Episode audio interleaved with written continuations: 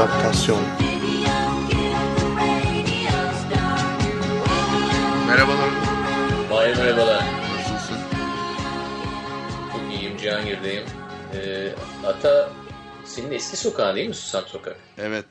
Susam Senin burada bir evin vardı. Vardı evet doğrudur. Susam Sokağın sonu. Orhan Pamuk'un da evi vardır orada. Hala var mı bilmiyorum ama. Ben de Susam Sokak'ta oturuyorum biliyor musun? Şu Ne anda. güzel. Ama Cihangir'de değil ama Susam Sokak. Var bir Big Bird olayı. Evet. Dünkü maçı izledin mi? Ya izleyemedim desem çok ayıp olur mu dinleyenlere? Ne yazık ki iş yerindeydim. Ama ikinci yarısında tabii ki yani zaten hani e, iş yerinde de iş yapılmamaya başladı bir süre sonra. Maçtaki gelişmelerden dolayı. Nasıl ya? 3 mü olmuş? 4 mü olmuş? 5 mi olmuş falan derken. Ben 89. dakikada eve geldim. Ee, televizyonu açayım hani sonucu sonunu göreyim bari diye. 7-0 yazıyordu ama e, beyin algılayamadı. Yani 7'yi herhalde ters yazılmış. 1 yazmaya çalışmışlar. E, TRT onu ters koymuş. Yayıncı ters koymuş diye düşündüm. Böyle beynin onu algılaması gerçekten bir 30 saniye sürdü. Evet Almanya tarihi yazdı Onur. Zaten yazmışlardı üstüne yazdılar evet. E, Mahir ben Cihangir'deyim dedim. E, Orient hı. E, çok güzel eski bir bina. Ben retro dedim. Yanındaki e, konuğumuza böyle dedim. Kendisi de e, kabul etti bu modern metro. E, Kerem Tınaz'la birlikteyim. İlk başta e, bizden kocaman bir merhaba. Kerem hoş geldin adaptasyona. Hoş Merhaba. geldin Kerem. Merhabalar Mahir. Kerem'i biraz tanıtmak istiyorum dinleyicilerimize. Kerem e, Koç Üniversitesi Tarih Bölümünden ve Uluslararası İlişkiler Bölümünden e, mezun olduktan sonra Oxford Üniversitesi'nde e, modern Orta Doğu çalışmalarında master yaptı. Şu anda da yine Oxford Üniversitesi'nde geç Osmanlı dönemi e, üzerine doktora çalışmalarına devam ediyor. E, bu hafta adaptasyonda bir tarihçi var. E, onun için lütfen dikkat edin Mahir. Evet öyle eskisi gibi gevşek konuşamayacağız artık. Lütfen rica ederim. Tarih affetmez. affeder affeder sorun yok. Sorun yok dedi Kerem. Kerem'den okey aldık. O zaman biraz daha rahatlıyoruz. Ee, Kerem tabii biraz CV'den hafif bir esintiler verdik ama e, esas can alıcı soruyu sorayım sana. Ya Kerem esas ne yapıyorsun? Ben işte senin de söylediğin gibi geç Osmanlı dönemine bakıyorum. Geç Osmanlı dediğimiz zaman işte aslında Osmanlı'nın esas olarak e, 30-40 senesine ve daha sonra da Osmanlı sonrasındaki yaklaşık e, 20-30 sene yani toplamda 60-70 senelik bir döneme bakıyorum. 1880'den başlayarak 1940'lara doğru giden. Ve esas olarak entelektüel tarihine bakıyorum. Yapmak istediğim, doktoramda yapmak istediğim şey de Osmanlıcılık arka planından gelip e, Osmanlıcılık arka planından gelip e, genel e, siyasi e, dönüşüm çerçevesi içerisinde e, milliyetçiliğe dönmüş olan düşünürlerin e, karşılaştırmalı e, dönüşümüne bakıyorum. Esas olarak onların e, dil ve e, eğitim üzerine olan düşüncelerine bakıyorum. E, Onların dedim bunlar kimler? Üç tane esas olarak düşünürüm var. Bir tanesi Avram Galante veyahut da Abraham Galante. Kendisi bir e, Musevi. E, daha e, öncesinde hiçbir zaman kendisinin Osmanlı veya Osmanlıcıyım e, demiyor. Fakat Osmanlıcılıkla e, paralel düşünceleri savunuyor ve daha sonrasında da 1915 sonrasında da yavaş yavaş Türkçülüğe dönüyor. E, ikinci e, ikinci entelektüelim Tunalı Hilmi yine kendisi Osmanlıcılık arka planından gelip e, Türk milliyetçine dönüyor. Üçüncü entelektüelim de e, Mustafa Sati Bey veyahut da daha genel olarak bilinen Sati El Hüsri. Yine Osmanlıcılık arka planından gelip Arap milliyetçine dönüyor ve e, Arap milliyetçiliğinin e, babalarından biri haline geliyor. Yani tarihçi için herhalde e, sizin balınız ekmeğiniz yani bu tür insanlar. Çünkü dolu dolu entelektüeller ama dönüşüm yaşıyorlar. Ee, siz bir şekilde e, yani bu üç karakteri nasıl seçtin?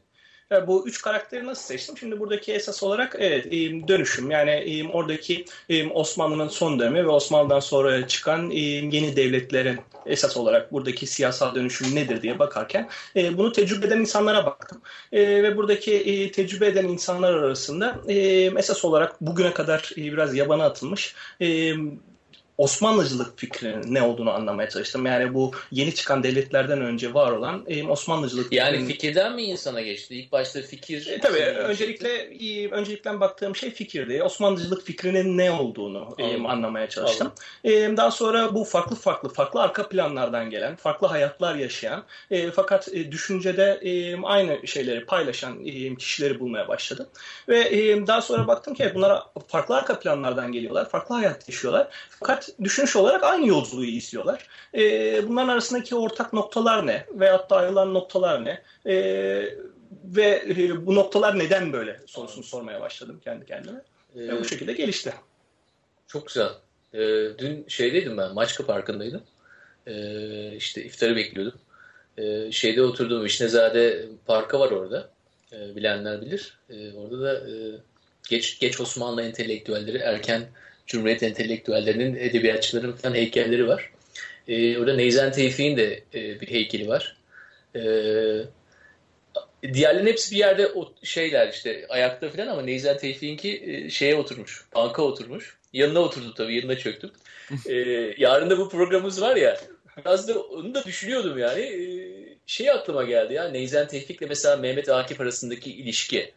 Yani çok ilginç bir şey yani sonuçta Mehmet Akif'te de bir dönüşüm var. Yani Neyzen Tevfik'te öyle fazla dönüşüm yok ama e, bu tür arkadaşlıklar yani senin mesela üç karakteri birbirine hiçbir zaman herhalde gerçek hayatta karşılaşmışlar mı? E, ya karşılaşmasa ya karşılaşıp karşılaşmadığını tam olarak e, açıkçası bilemiyorum. Ama e, özellikle Avram Galante ile Tunalı Hilmi arasında farklı farklı atışmaların olduğu, özellikle e, dil devrimi sırasında, e, alfabe değişimi sırasında e, farklı fikirler e, farklı fikirleri savunduklarından dolayı birbirlerine atıfta bulundukları makaleler olduğu var yani. Ya taşlamalar var yani dost ilişkisinde taşlamalar da e, tabii yani hani dostluk demeyelim de farklı tamam. düşüncelerden dolayı birbirlerine atıfta bulunmalar var.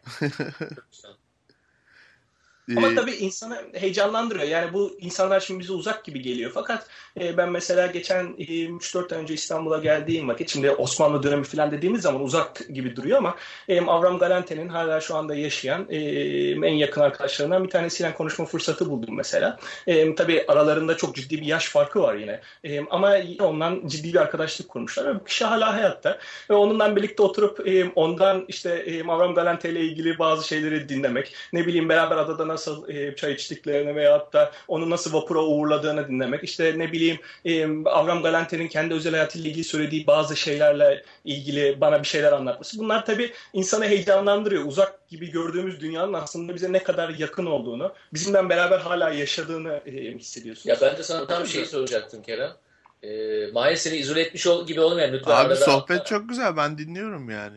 Ee, yani Dün, ne dünkü... yapıyorsun dedim ya bir de niye yapıyorsun diyecektim ki sen ağzından ya balla kestin dedin. Yani bir şekilde galiba bundan bir keyif alıyorsun ya bu e, ne oluyor bu? Mikro tarih mi bu? E, yani şimdi e, tabii bu birebir e, yaptığım şeyin ölçeğini düşündüğümüz zaman birebir mikro tarih demek e, şey olmayabilir, doğru olmayabilir. E, ama tabii ki de mikro tarihle yani aslında birebir mikro tarihin anlamı nedir e, diye yola çıkarsak bununla ilgili farklı farklı şeyler bulabiliriz. Ama bu tarihe bir bakış şekli. E, kısıtlı bir zaman içerisinde, e, kısıtlı bir konuya e, bir sürü detayla birlikte e, bakma yöntemi diyeyim ben size. Yani e, herhangi bir köydeki e, biz ikimiz atıyorum e, 1910 yılında işte Akbaba köyünde yaşıyoruz. Akbaba köyündeki kahvehanenin içerisinde her gün gidiyoruz ve kahvehanenin içerisindeki ilişkilerimiz, neler konuşuyoruz, neler yapıyoruz. Bununla ilgili farklı farklı belgelerden yola çıkarak bunu anlamaya çalışıyoruz. Bunu anlamaya çalışıyorum diyeyim ben tarihçi olarak. Ve bunu da daha genel bir çerçeve içerisinde neden o kahvehanede o konuşmalar oluyor? Onun genel o zamanki işte günlük veya toplumsal olaylar nezdinde anlamı nedir? Yani çok küçük ve limitli bir yerden çıkarak e, kimi daha büyük sorulara cevap verme yöntemi gibi evet. bir şey söyleyeyim ben Mikrodan sana. makroya gidiyorsun, tekrar evet. mikroya dönüyorsun evet. gibi. Evet ama tabii makroda çok daha e, uzun dönemli e, büyük e, dönüşümlere bakıyorsun ve makroyu yaptığın zaman tabii orada birçok e, farklılığı da kaçırabiliyorsun. Çünkü e, yani şöyle söyleyeyim makro yaptığın zaman kumsala bakıyorsun. Mikro yaptığın zaman kumsaldaki kum tanelerine bakıyorsun. Ee, hani kumsala bakmak çok şey söyleyebilir ama e, oradaki her tanenin özelliğiyle alakalı e, bize elle tutulur bir şey veremez ve sonucunda da hani e, bir torba içerisinde bir sürü rengi heba etmiş olursun. Ama mikro indiğin zaman o renklerin hepsini görmeye başlıyorsun. Onlar sana yeni şeyler öğretmeye başlıyor. Bunlarla heyecanlanıyorsun. E, dünyayı daha iyi tanımaya başlıyorsun. Kendine de güveniyorsun açıkçası. Çünkü e, farklı farklı e, perspektifler e, görmeye başlıyorsun. Ya Farklı Kerem şu doktorayı bitir de senin üç karakteri alıp böyle 3D animation yapalım. Hologramını falan yapıp böyle şey yapalım ya. Dev dev e, ekranlara falan çıkartalım. Doktora testi falan da şey yapmak gerekiyor. Hayır. Abi Biraz hologram sektörü başkalarıyla dolu yani şu an biliyorsun. Doğru. Hologram sektöründe başka bir arkadaş vardı ya. Doldurmuşlar. Hologram yani. sektörü bu ara işler açılır biliyorsun. Önümüz seçim. O yüzden. Hologramcılar meşgul olabilir. Önümüzdeki 40 gün boyunca bayağı bir fatura kesebilecekler evet. Şimdi e, Kerem ben öncelikle bir iki pratik soru sormak istiyorum. E, bu Tabii, işler mesela ya ne bileyim işte hep şöyle gerçekliğini de teyit edemediğim ama bir sürü arkadaşımdan hatta birebir ablamdan da bildiğim e, tarih konusu İngiltere'de okunur falan gibi bir e, şey vardır. Hani e, bir varsayım diyelim yani. Çünkü ben doğruluğunu bilmiyorum ama işte kaynaklar Avrupa'da çok iyi, İsviçre'de arşivler var falan filan. E, senin pratik olarak bu araştırmalarında tabii ki İstanbul'da olman gerekiyor. Tabii ki İstanbul'daki bir sürü şeye bakıyorsun ama genel olarak Türkiye'nin durumunu nasıl görüyorsun? Bu pratiklik, kaynaklara erişim ya da işte bu kaynakların korunmuş olması vesaire falan filan. Bunlar sana herhangi bir zorluk çıkarıyor mu? Yani şöyle olsaydı daha iyi olur dediğin bir durum var mı? Yoksa genel olarak iyi mi durum? Abi şimdi tabii e, hani bu soruya cevap vermek için birazcık e, hangi konuya baktığımıza, e, hangi döneme Hı hı. baktığımıza göre e, farklı farklı şeyler var. Ama tabii ki genel olarak Osmanlı ile alakalı bir şey çalışıyorsan, e, dünyanın neresinde olursan ol bir noktada e, yolun İstanbul'a e, da Türkiye'ye düşer. Çünkü merkezi arşivler burada.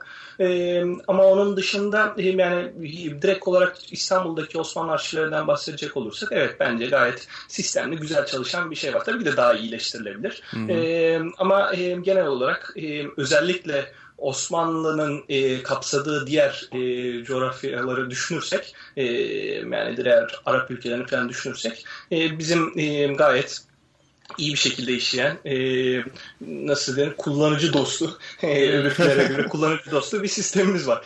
E, ama tabii ki e, yani Şimdi bir e, İngiltere'deki arşivlerle Türkiye'deki arşivleri karşılaştırmak biraz sıkıntı olabilir. İngiltere bu işte e, arşiv konusunda e, çok ciddi yol kat etmiş ve çok çok çok çok zengin olan bir yer.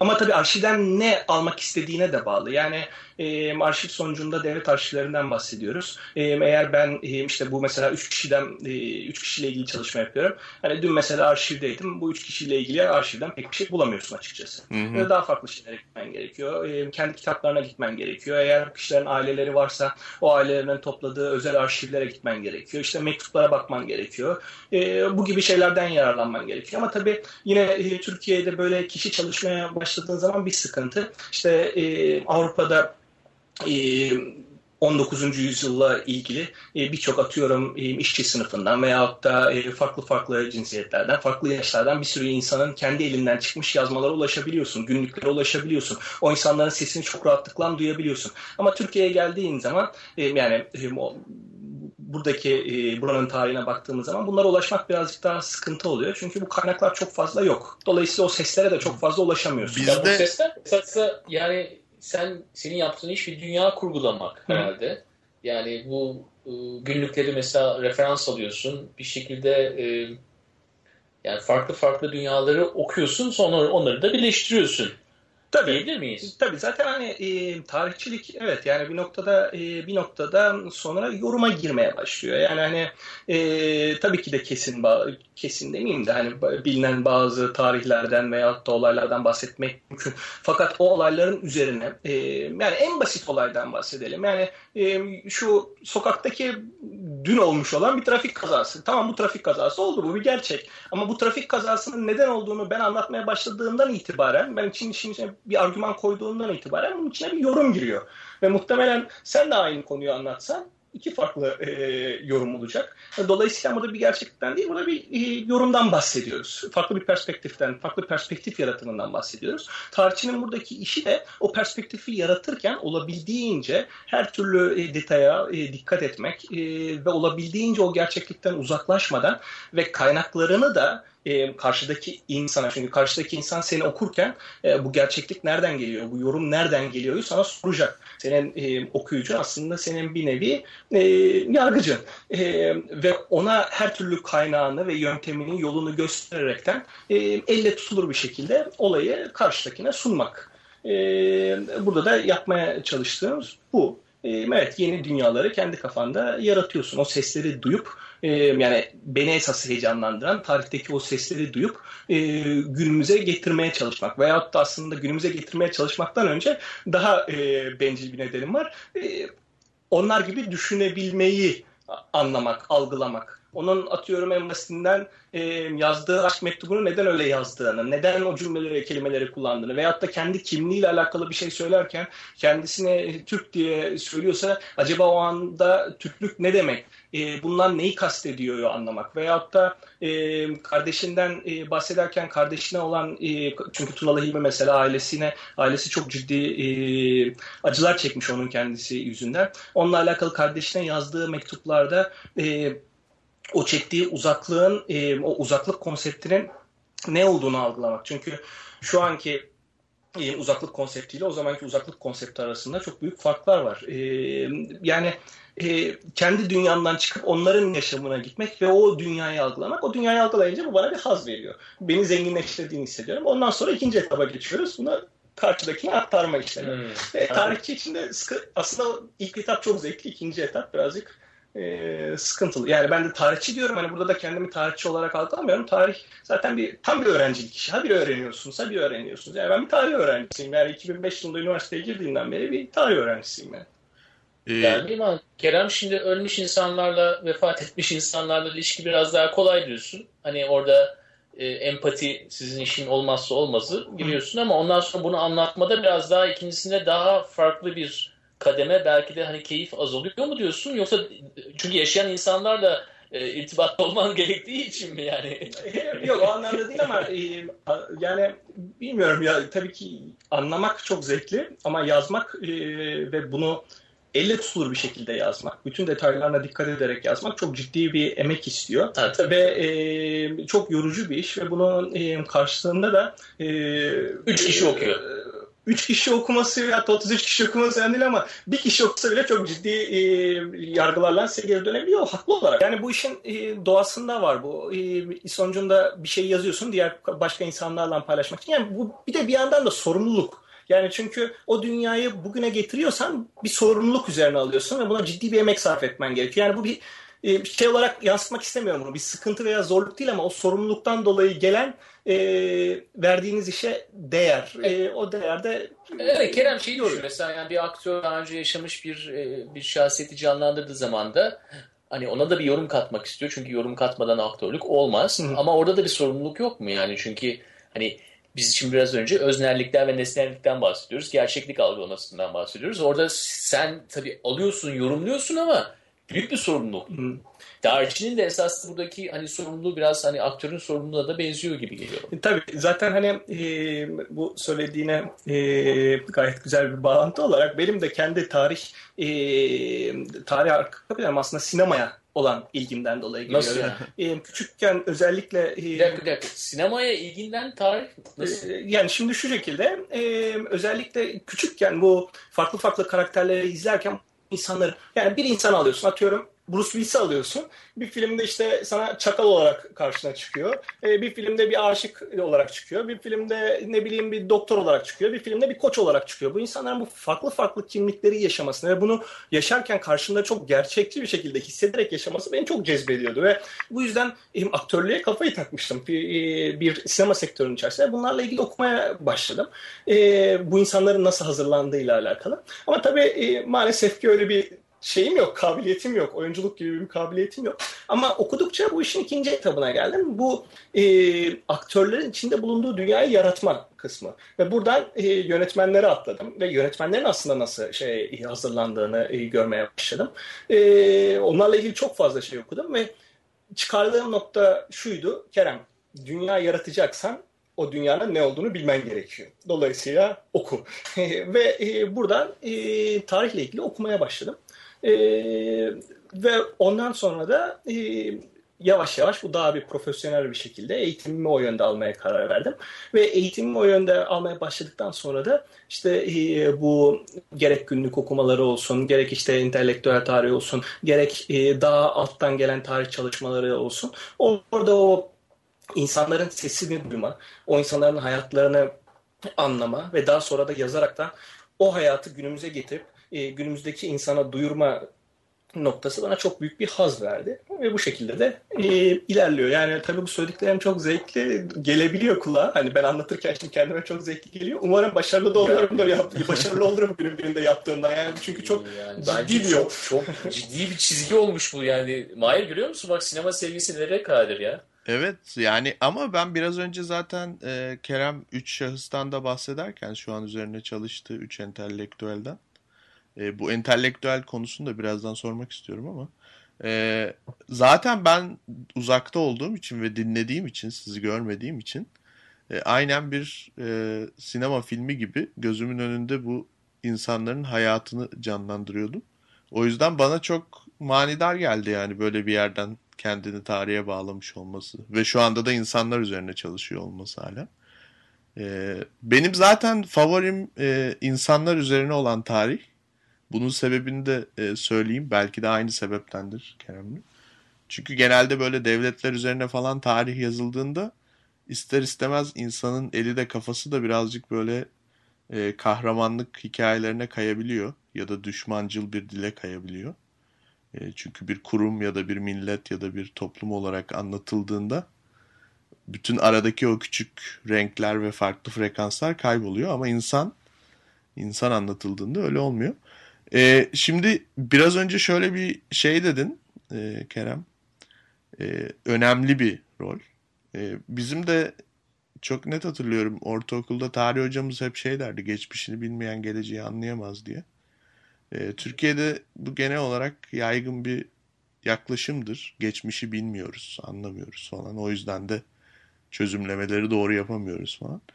E, sen bu durumu nasıl görüyorsun? Burada kendine gerçekten bu büyük misyonun bir parçası olduğunu düşünüyor musun? Yani ben kişisel olarak tabii ki bu üç aydını anlamak isterim ama e, toplumda böyle bu şekilde tarih araştırmalarının daha yaygın yapılmasının e, bize faydalı olduğunu düşünüyor musun? Yani ben hani e, kendi şahsım üzerine böyle bir e, misyonun parçasıyım gibi bir şey demem. Hani bunu bu misyonun parçası hisseden varsa e, saygı duyarım ama hani e, böyle bir e, misyonum olduğunu veyahut da tarihçinin böyle bir misyonu olduğunu e, söylemem. Herkesin kendi e, kişisel tercihidir gibi geliyor bana. Hı. Ama tabii ki de e, yani insanın e, geçmişini anlamasının benim açımdan hani ben bunu bir e, siyasi perspektiften değil de yani ben şöyle söyleyeyim. Mesela e, evet ben 86 yılında İstanbul'da doğdum ve e, 2007 yılında e, 2007 ya da 2008 yılında Koç Üniversitesi'nde aldığım İstanbul tarihi dersine kadar e, İstanbul'da yaşamamışım öyle söyleyeyim. Yani İstanbul'u bildikten sonra bu şehre saygım arttı şehre, e, bu şehirdeki yaşayış şeklim arttı. Bu şehirdeki binalara, insanlara, e, bu şehrin içerisinde barındırdığı kültüre olan e, saygım arttı. E, onlarla olan ilişkim farklılaştı. E, dolayısıyla e,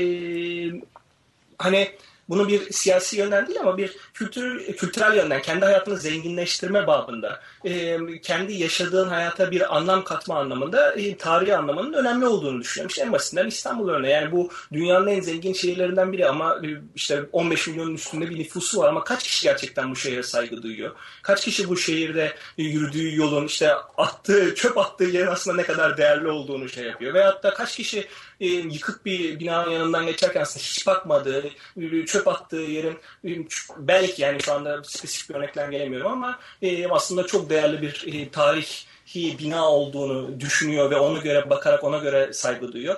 Yani bunları öğrendiğiniz vakit e, çevrenizle ilişkiniz de değişiyor gibi geliyor. E, ayrıca tarihin şöyle bir şeysi var. Yani e, tarihi öğrendikçe, farklı sesleri duydukça insanlarla ilgili empatiniz de artıyor. İnsanlara e, daha empati kurarak yaklaşıyorsunuz. Hoşgörünüz artıyor.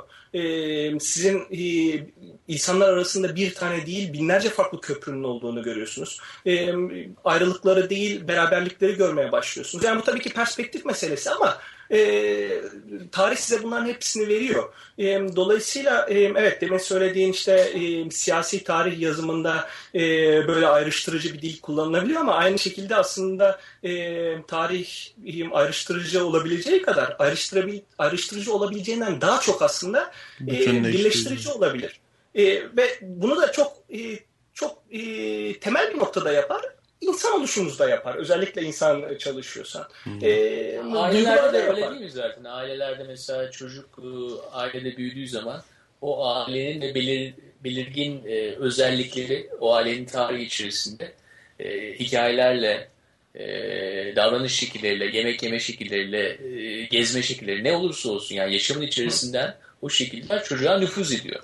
Bir şekilde aile algısını da benim ismim bu, soyadım bu değil de yalnızca e, o aksiyonlar içerisinde o aile algısını alıyor ve bazı özellikler ön plana çıkıyor işte. Bir tanesi daha kahraman oluyor, bir tanesi daha işte çalışkan oluyor, bir tanesinin bazı kötü özellikleri oluyor. Önemli değil yani iyi kötü olayı değil ama e, böylece hani geçmişle aranda bir köprü oluşuyor. Sen diyorsun ki ya benden öncekiler vardı, benden sonrakiler de olacak şeklinde.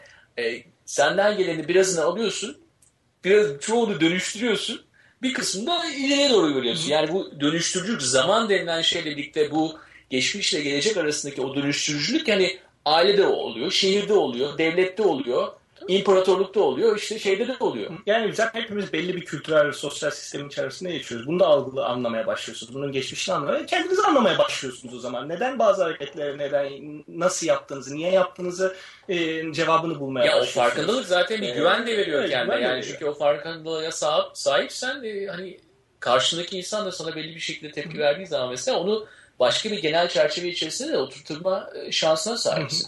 e, siyasette de zaten böyle bu. E, ya Kerem sana şey sorayım. Şimdi biz tabii hani biraz e, senin çalıştığın dönem itibariyle e, geç Osmanlı dedik. Bugünlerde de Osmanlıcılık diyelim. Bayağı e, yeni Osmanlıcılık. Y- yeni Osmanlıcılık, e, neo Kemalistlik. Şimdi bir saniye ben bu... Bunlar çok şey konular. Bunlar bayağı göz önünde olan konular. Evet Mahir. Ee, senin söylediğin sorunun ne olduğunu bilmiyorum ama şu şunu sormak istiyorum. Hazır e, böyle bir konuğumuz varken yeni Osmanlıcılık diye bir şey var mı gerçekten yoksa bu pseudo scientific bir uydurma mı yani? Yarı bilimsel evet. bir şey mi? E, şahsen her şeyin başına Neo koyduklarından dolayı bugünlerde ben birazcık Neo görünce korkuyorum. Önce e, Neo'yu atıyorum. Post modern post. post sever misin? Şu postlara Neo'lara bir, bir eklemelere gelmiyor. Yani Neo olduğu vakit önce Neo'yu atıyorum. Bir neymiş onu anlamaya çalışıyorum. Anladım, Sonra okay. Neo, ne olduğunu dönmeye çalışıyorum. Hı hı. Yani e, yeni Osmanlıcılık denilen şey hani e, herhalde yeni Osmanlıcılık deyince bir kere Osmanlıcılık e, ne deme, ne hmm. sorusuna bir cevap vermek gerekiyor öncelikle. Yani yine söylediğim gibi Neo'yu bir atmak gerekiyor. Yani buradaki Osmanlıcılık e, aslında e, yani Osmanlıcılık fikri özellikle e, 19. yüzyılın başında e, milliyetçilik akımları başlayınca e, Osmanlı'nın e, kendi içerisindeki farklı kültürleri, e, farklı dinden, farklı kültürden, farklı etnik e, arka plandan gelen grupları e, bir e, çatı altında e, birleştirebilme e, uğraşına e, yani çok basit bir şekilde e, siyasi uğraşına verilen e, isim Osmanlıcılık. Yani bir Osmanlı üst kültürü yaratmak, bütün alt kültürlerin arası üstünde bir Osmanlı e, kültürü yaratarak bir çatı altında e, bu farklı kimlikleri, e, farklı arka plana gelen insanları toplamaya çalışmak.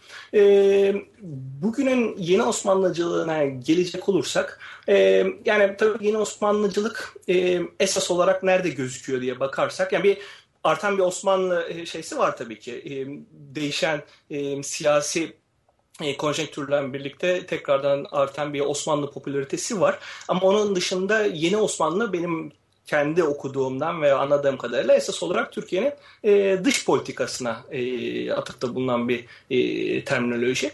Ve buradaki olay da şu, e, Davutoğlu'nun aslında kendisi tabii bunu inkar ediyor ama e, Dışişleri Bakanı Davutoğlu ile birlikte gelen yeni e, dış politika anlayışı içerisinde Türkiye'nin e, Osmanlı içerisinde Osmanlı içerisinde beraber yaşayan e, halklar arasındaki e, kültürel, e, tarihsel, e, belki sosyal kimi bağları e, tekrardan e, günümüz e, politika arenası içerisinde kullanaraktan onlarla e, bir ilişki kurmak ve e, bunu da Türkiye'nin dış politikası içerisinde soft power olarak e, Türkçesi herhalde yumuşak güç olarak geçen evet. e, bir şekilde e, siyasette yani ben Amerika'da, çalışmak. Amerika'dayken zaten bu kelimeden sıkılmıştım. Türkiye'de bunun devamı duyunca e, Joseph Nye var tabii bu South Power başkan Harvard'da.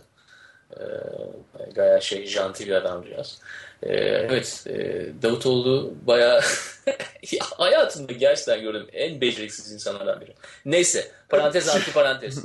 Ee, şimdi tabii dış politika tarafını anlıyorum. Ama yani yeniliklerine de var. İşte e, o yani bu ilgi yalnızca dış politikayla değil değil tabii, mi? Tabii. Sonuçta böyle bir döneme yani, dair işte diziler yapılıyor. Ya yeni Osmanlılık dendiği zaman özellikle literatürde oraya hani dış politikaya atıfta bulunuyor ama tabii ki Osmanlı'nın tekrardan ortaya e, yani bir e, bir kendini satan bir e, ürün olarak e, çıkmasında tabii ki şu anda e, siyasi değişimlerin de Türkiye'nin içerisinde bulunduğu siyasi değişimlerin veyahut da AKP'nin e, uyguladığı e, politikaların da e, fazlasıyla etkisi var. Tekrardan Osmanlı e, Osmanlı ile e, bağın e, tekrardan gün yüzüne çıkarılıp bunun üzerine. Yani şöyle zaten Osmanlı ile bir bağ zaten var. Yani bu inkar edilemez bir bağ. E, fakat e, günümüz e, siyaset retoriği içerisinde bu daha fazla daha fazla kullanılıyor. Evet. Bunun içerisinde de işte kimi tabii e, yine siyasi retorik veyahut da evet. siyasi planlamalar var. Şimdi tabii yani çok olumlu yanları da var tabii. Özellikle daha da fazla turist gelmesini de sağlıyor esas ülkeye. Ben o tarafını bayağı seviyorum bu.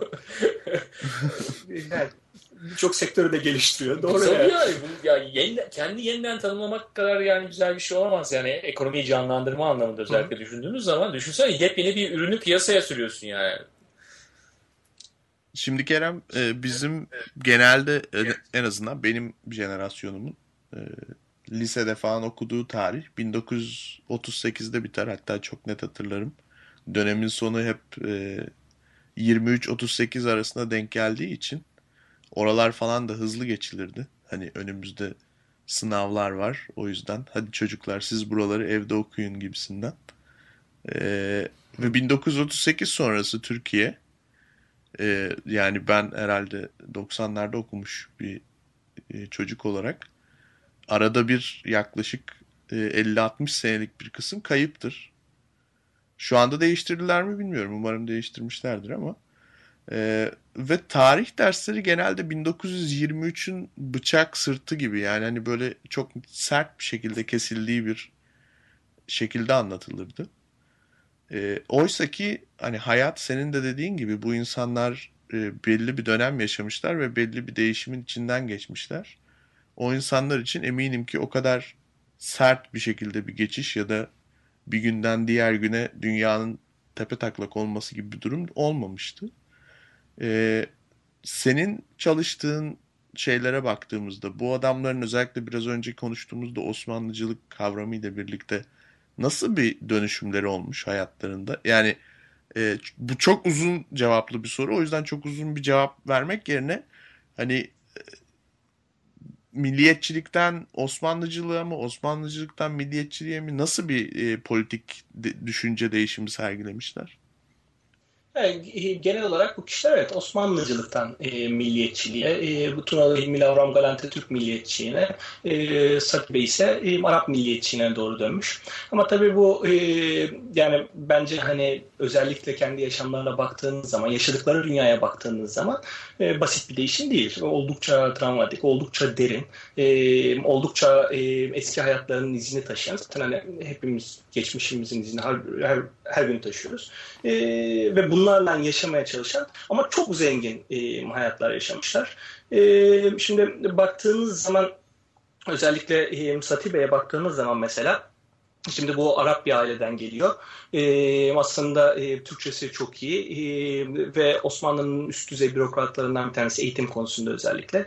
Fakat e, 1919 sonrasında e, işte önce Suriye'ye gitmiş. Suriye'den sonra e, Irak'a gitmiş. Irak'ta kalmış. Oradan sonra Lübnan'a gitmiş. E, Lübnan'dan sonra tekrar Suriye'ye gitmiş. Sonra tekrar Mısır'a gitmiş. Sonra Mısır'dan tekrar Irak'a gelmiş ve e, yanlışım olmasın 1968 yılında vefat etmiş. Şimdi e, burada yaşarken hala bir röportajında şey yaptığınız zaman Arap milliyetçiliği diyor. E, ve Arap milliyetçiliği e, kendi milliyetçilik fikrinin ortasına da dili koyuyor aslında. Milliyetçiliği dil çerçevesi içerisinde e, açıklıyor.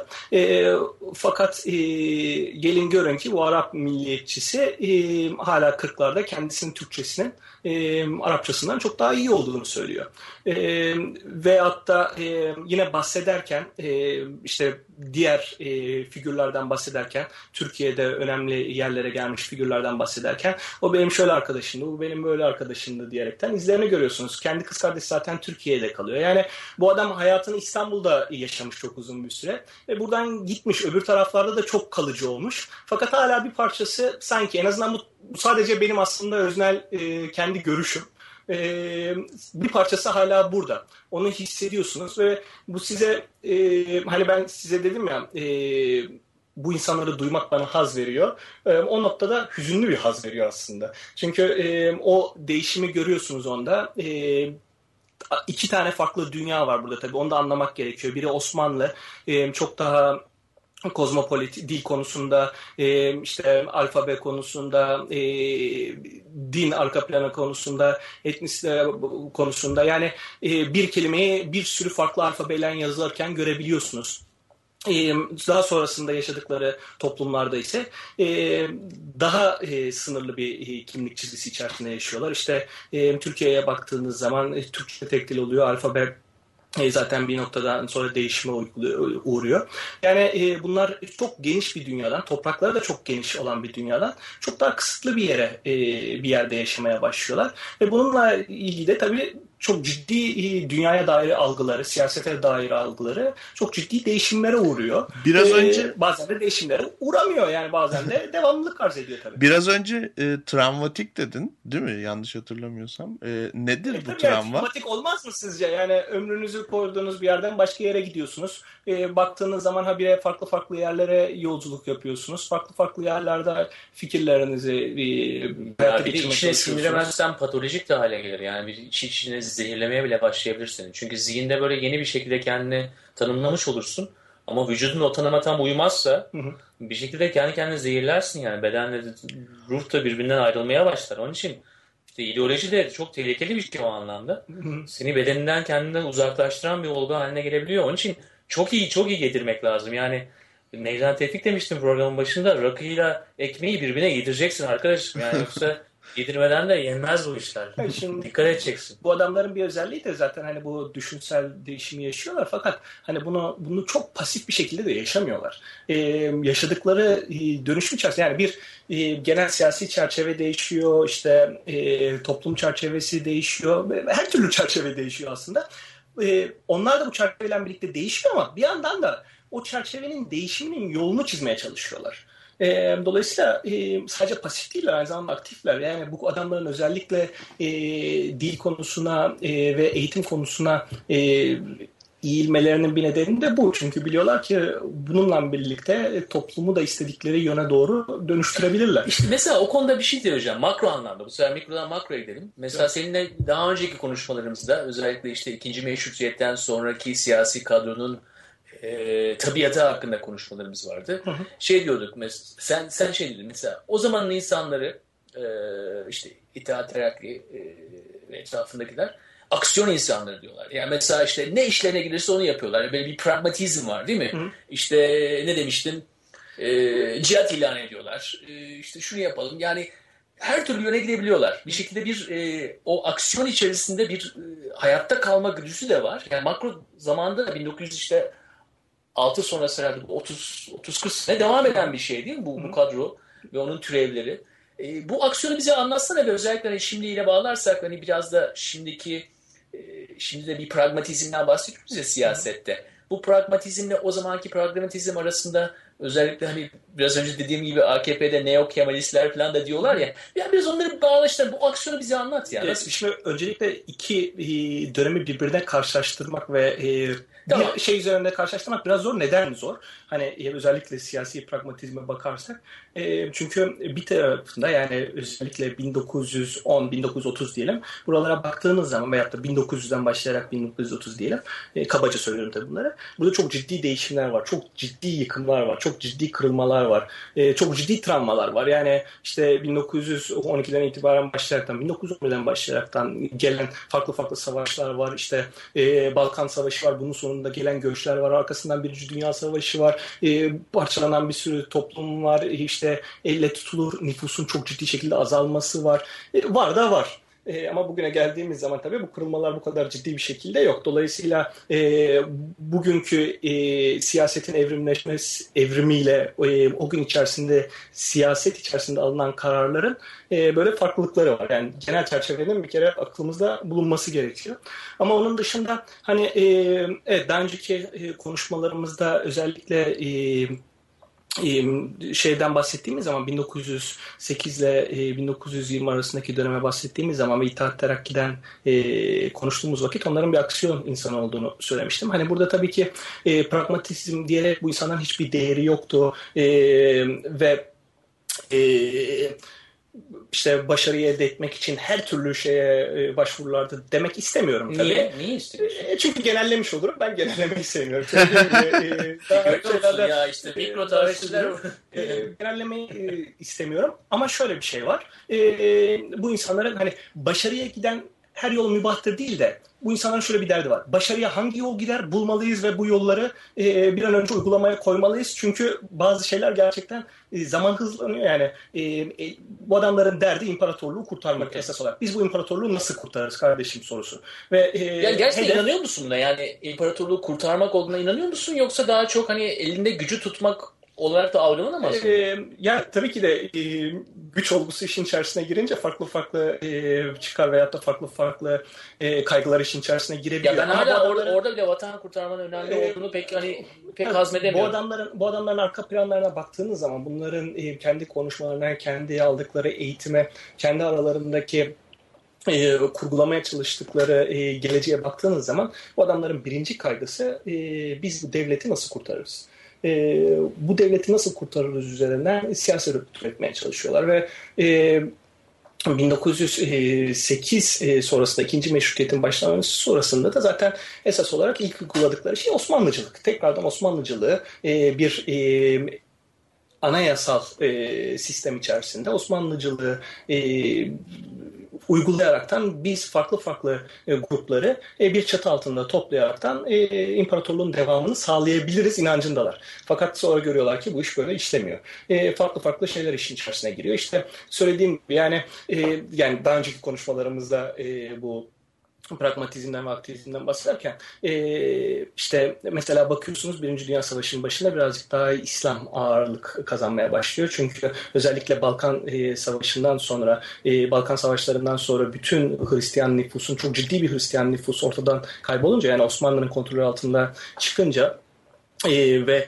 e, Araplarla ilişkiler çok daha önemli olunca ve de bir de üzerine Birinci Dünya Savaşı başlayıp onları cezbetmek e, önem kazanınca işte kimi İslami retorik işin içerisine giriyor. Onu kullanıyorlar. O olmayınca tekrar başka şeylere dönüyorlar. E, yani e, başarı onlar için devleti kurtarmak ve devleti kurtarmak için de ideolojiler e, sağa sola birazcık e, yuvarlanabilir. E, işlerine göre uygulanabilir gibi bir şekli var. Ama tabii bunların hepsi çok basitleştirilmiş bir genelleme. Ya biz burada popüler kültür programı yapıyoruz. Dolayısıyla, şekilde. dolayısıyla, dolayısıyla hani burada çok ciddi bir tarihçi perspektif falan filan hep şey. Metin olur. Tarihçilere göndermeyeceğiz Kerem. Birinci Dünya Savaşı'nda 100. yıl dönümü. E, Mahir senin de bildiğin gibi Birinci Dünya Savaşı hakkında yine popüler kültürde baya bir ilgi de var. E, 1914-2014 olarak. Evet, Bu Russell, konuları da tekrar bir ziyaret etmiş olduk. Russell Crowe'un filmi çıkacak değil mi? Yanlış Aa, bu Cem Yılmaz'la e, Yılmaz Erdoğan'ın olduğu film. Evet. Hmm. Zaten muhtemelen bu önümüzdeki birkaç sene boyunca bu Birinci Dünya Savaşı ile ilgili bir sürü şey filmler, artık belgeseller, kitaplar hmm. göreceğiz yani. Peki bu, e, sana ne güzel yani. ekonomiyi devamlı döndürüyorsun yani geçmişe bir ziyaret yap. 1919 grip grip salgını yap mesela. 1919 e, grip salgını çok acayip bir şey. Kırıldı millet. Al onun filmini yap böyle Onurcuğum ben zaten bu kişisel doğum günleri meselesini de hiçbir zaman anlayamamışımdır hayatta. Yani niye doğum gününü kutluyoruz? Hani böyle bir yıl dönümü kutlama ya da yıl dönümünde bir anma olayı oluyor ama bunun tam olarak neden olduğunu tam çözemedim hiç. Ee, şunu soracağım. Aslında muhabbet olsun, parti olsun herhalde. Ben de pek şey değilim. İşte evet o da yani mikro ekonomide bir hareketlendirme olsun diye. Ee, yalnız Kerem sana şunu sormak istiyorum. Bu e, güzel yani sona da gelirken e, iyi bir bağlama olacak bence. E, bütün konuyu kapatması açısından. Bu e, Birinci Dünya Savaşı e, önemsemesi ve yeniden e, Birinci Dünya Savaşı'nı anlamayanlar şu an Orta Doğu'daki dinamikleri çözemezler falan gibi. Amerika'da da böyle birçok makaleler çıkıyor şu anda. E, buna katılıyor musun? Yoksa bu böyle biraz hype bir durum mu? Ya bu, bu sorunun cevabı da çok uzun olabilir ama kısa olarak alırsak iyi olur. Yani çok kısa olarak bakacaksak tabii modern Orta Doğu dediğimiz şeyin kuruluşu o yani Birinci Dünya Savaşı'na gidiyor. Ve e, Birinci Dünya Savaşı sonrasında e, yapay bir şekilde biraz da kağıt üzerinde e, bir Orta Doğu yaratılıyor. Ve tabii ki de bu yapay kağıt üzerinde çizilen haritada veyahut da işte sınırlarda bir şekilde gerçeğe bağlamaya çalıştığınız zaman işlemiyor e, ve onunla ilgili kırılmalar oluyor. Bu kırılma sadece bugün değil hani zaten e, 100 yıl boyunca farklı farklı zamanlarda ortaya çıktı ama tabii bugün e, çok daha ciddi ve canlı bir şekilde yaşıyoruz. Yani o yüzden de çok e, canlı bir şekilde karşımıza duruyor. Özellikle Irak'taki durumdan birlikte. E, yani tabii ki de eğer e, biz şu anda Orta Doğu nedir, nasıldır, niye böyledir soruyorsak e, bir Osmanlı'nın son belki işte bir Osmanlı arka planına bakıp ondan sonra da Birinci Dünya Savaşı'ndan sonra nasıl bir Orta Doğu, ne şekilde ortaya çıkarılmış sorusuna cevap bulmamız gerekiyor. E, buna bakarsak birazcık daha iyi oradaki sınırları ve oradaki yaratılan siyasi sistemi anlayabiliriz tabii ki de. Peki... Kerem ya bu İngilizlerin arşivleri falan çok güzel ama galiba biraz bütün bu bulamaçlığın da biraz nedenleri bu İngilizler, bu bunların cetvelleri olmuş. ee, yani sonra da belki arşivlerini insan çekmek için mi yaptılar acaba? Yani pek de art niyet aramamaya çalışıyorum ama biraz bunları biraz bulandıralım da sonra bize gelsinler ne yaptığımızı araştırsınlar. Onu bilmiyorum ama yani ben kendim e, küçücük bir insan olarak şunu soruyorum ya bu e, arşivleri özellikle arşivlerdeki o kadar şeyi görünce rapordu bilmem neydi bunları görünce ya bu yani bu kadar küçük bir coğrafyadan, bu kadar küçük bir adadan bu dünyayı nasıl bu kadar sistemli bir şekilde adamlar ellerinin altında oynatabilmişler sorusu. Çok basit benim kendi kafamda sorduğum ve e, o arşivlere girdiğim zaman da e, o işte nasıl ellerinde oynatabilmişi çok ciddi bir şekilde, elle tutulur bir şekilde hissedebildiğim bir şey. E, ve biraz beni ürkütüyordu açıkçası yani. Aman ama şimdi ürkme. Dünya Kupası'nda birinci şeyde elendiler. Zaten yani yok yani bu e, bir yerden bu kadar şeyi e, ha, ileride ne olur? İleride, ileride nereden ne Yani hani bir gücün bir odağın bu kadar e, sistemli bir şekilde birçok noktaya el atabilmesi ve bu kadar e, farklı farklı hayatlarla oynayabilmesi, farklı farklı e, kaderlerle oynayabilmesi. Doğru. Diye. Bak Almanya 8 atıyordu neredeyse Brezilya'ya. Bak iyi Vallahi evet aynen o şekilde. Dağıttılar 8 yani. döndü bir geri geldi ondan sonra 7 bir oldu. Sıktı orada. Mahir, e, senin eski sokağından Susam Sokağı'ndayız. E, yayınımıza son veriyoruz. E, güzel bir İstanbul gününde. Kerem, çok çok teşekkür ederiz. Ben çok teşekkür ederim. ee, ben açıkçası çok zevk aldım. Umarım sizler de aynı şekilde zevk almışsınız. Kerem, evet yani, ama yani hani böyle 40 tane falan soru açıkta tabii.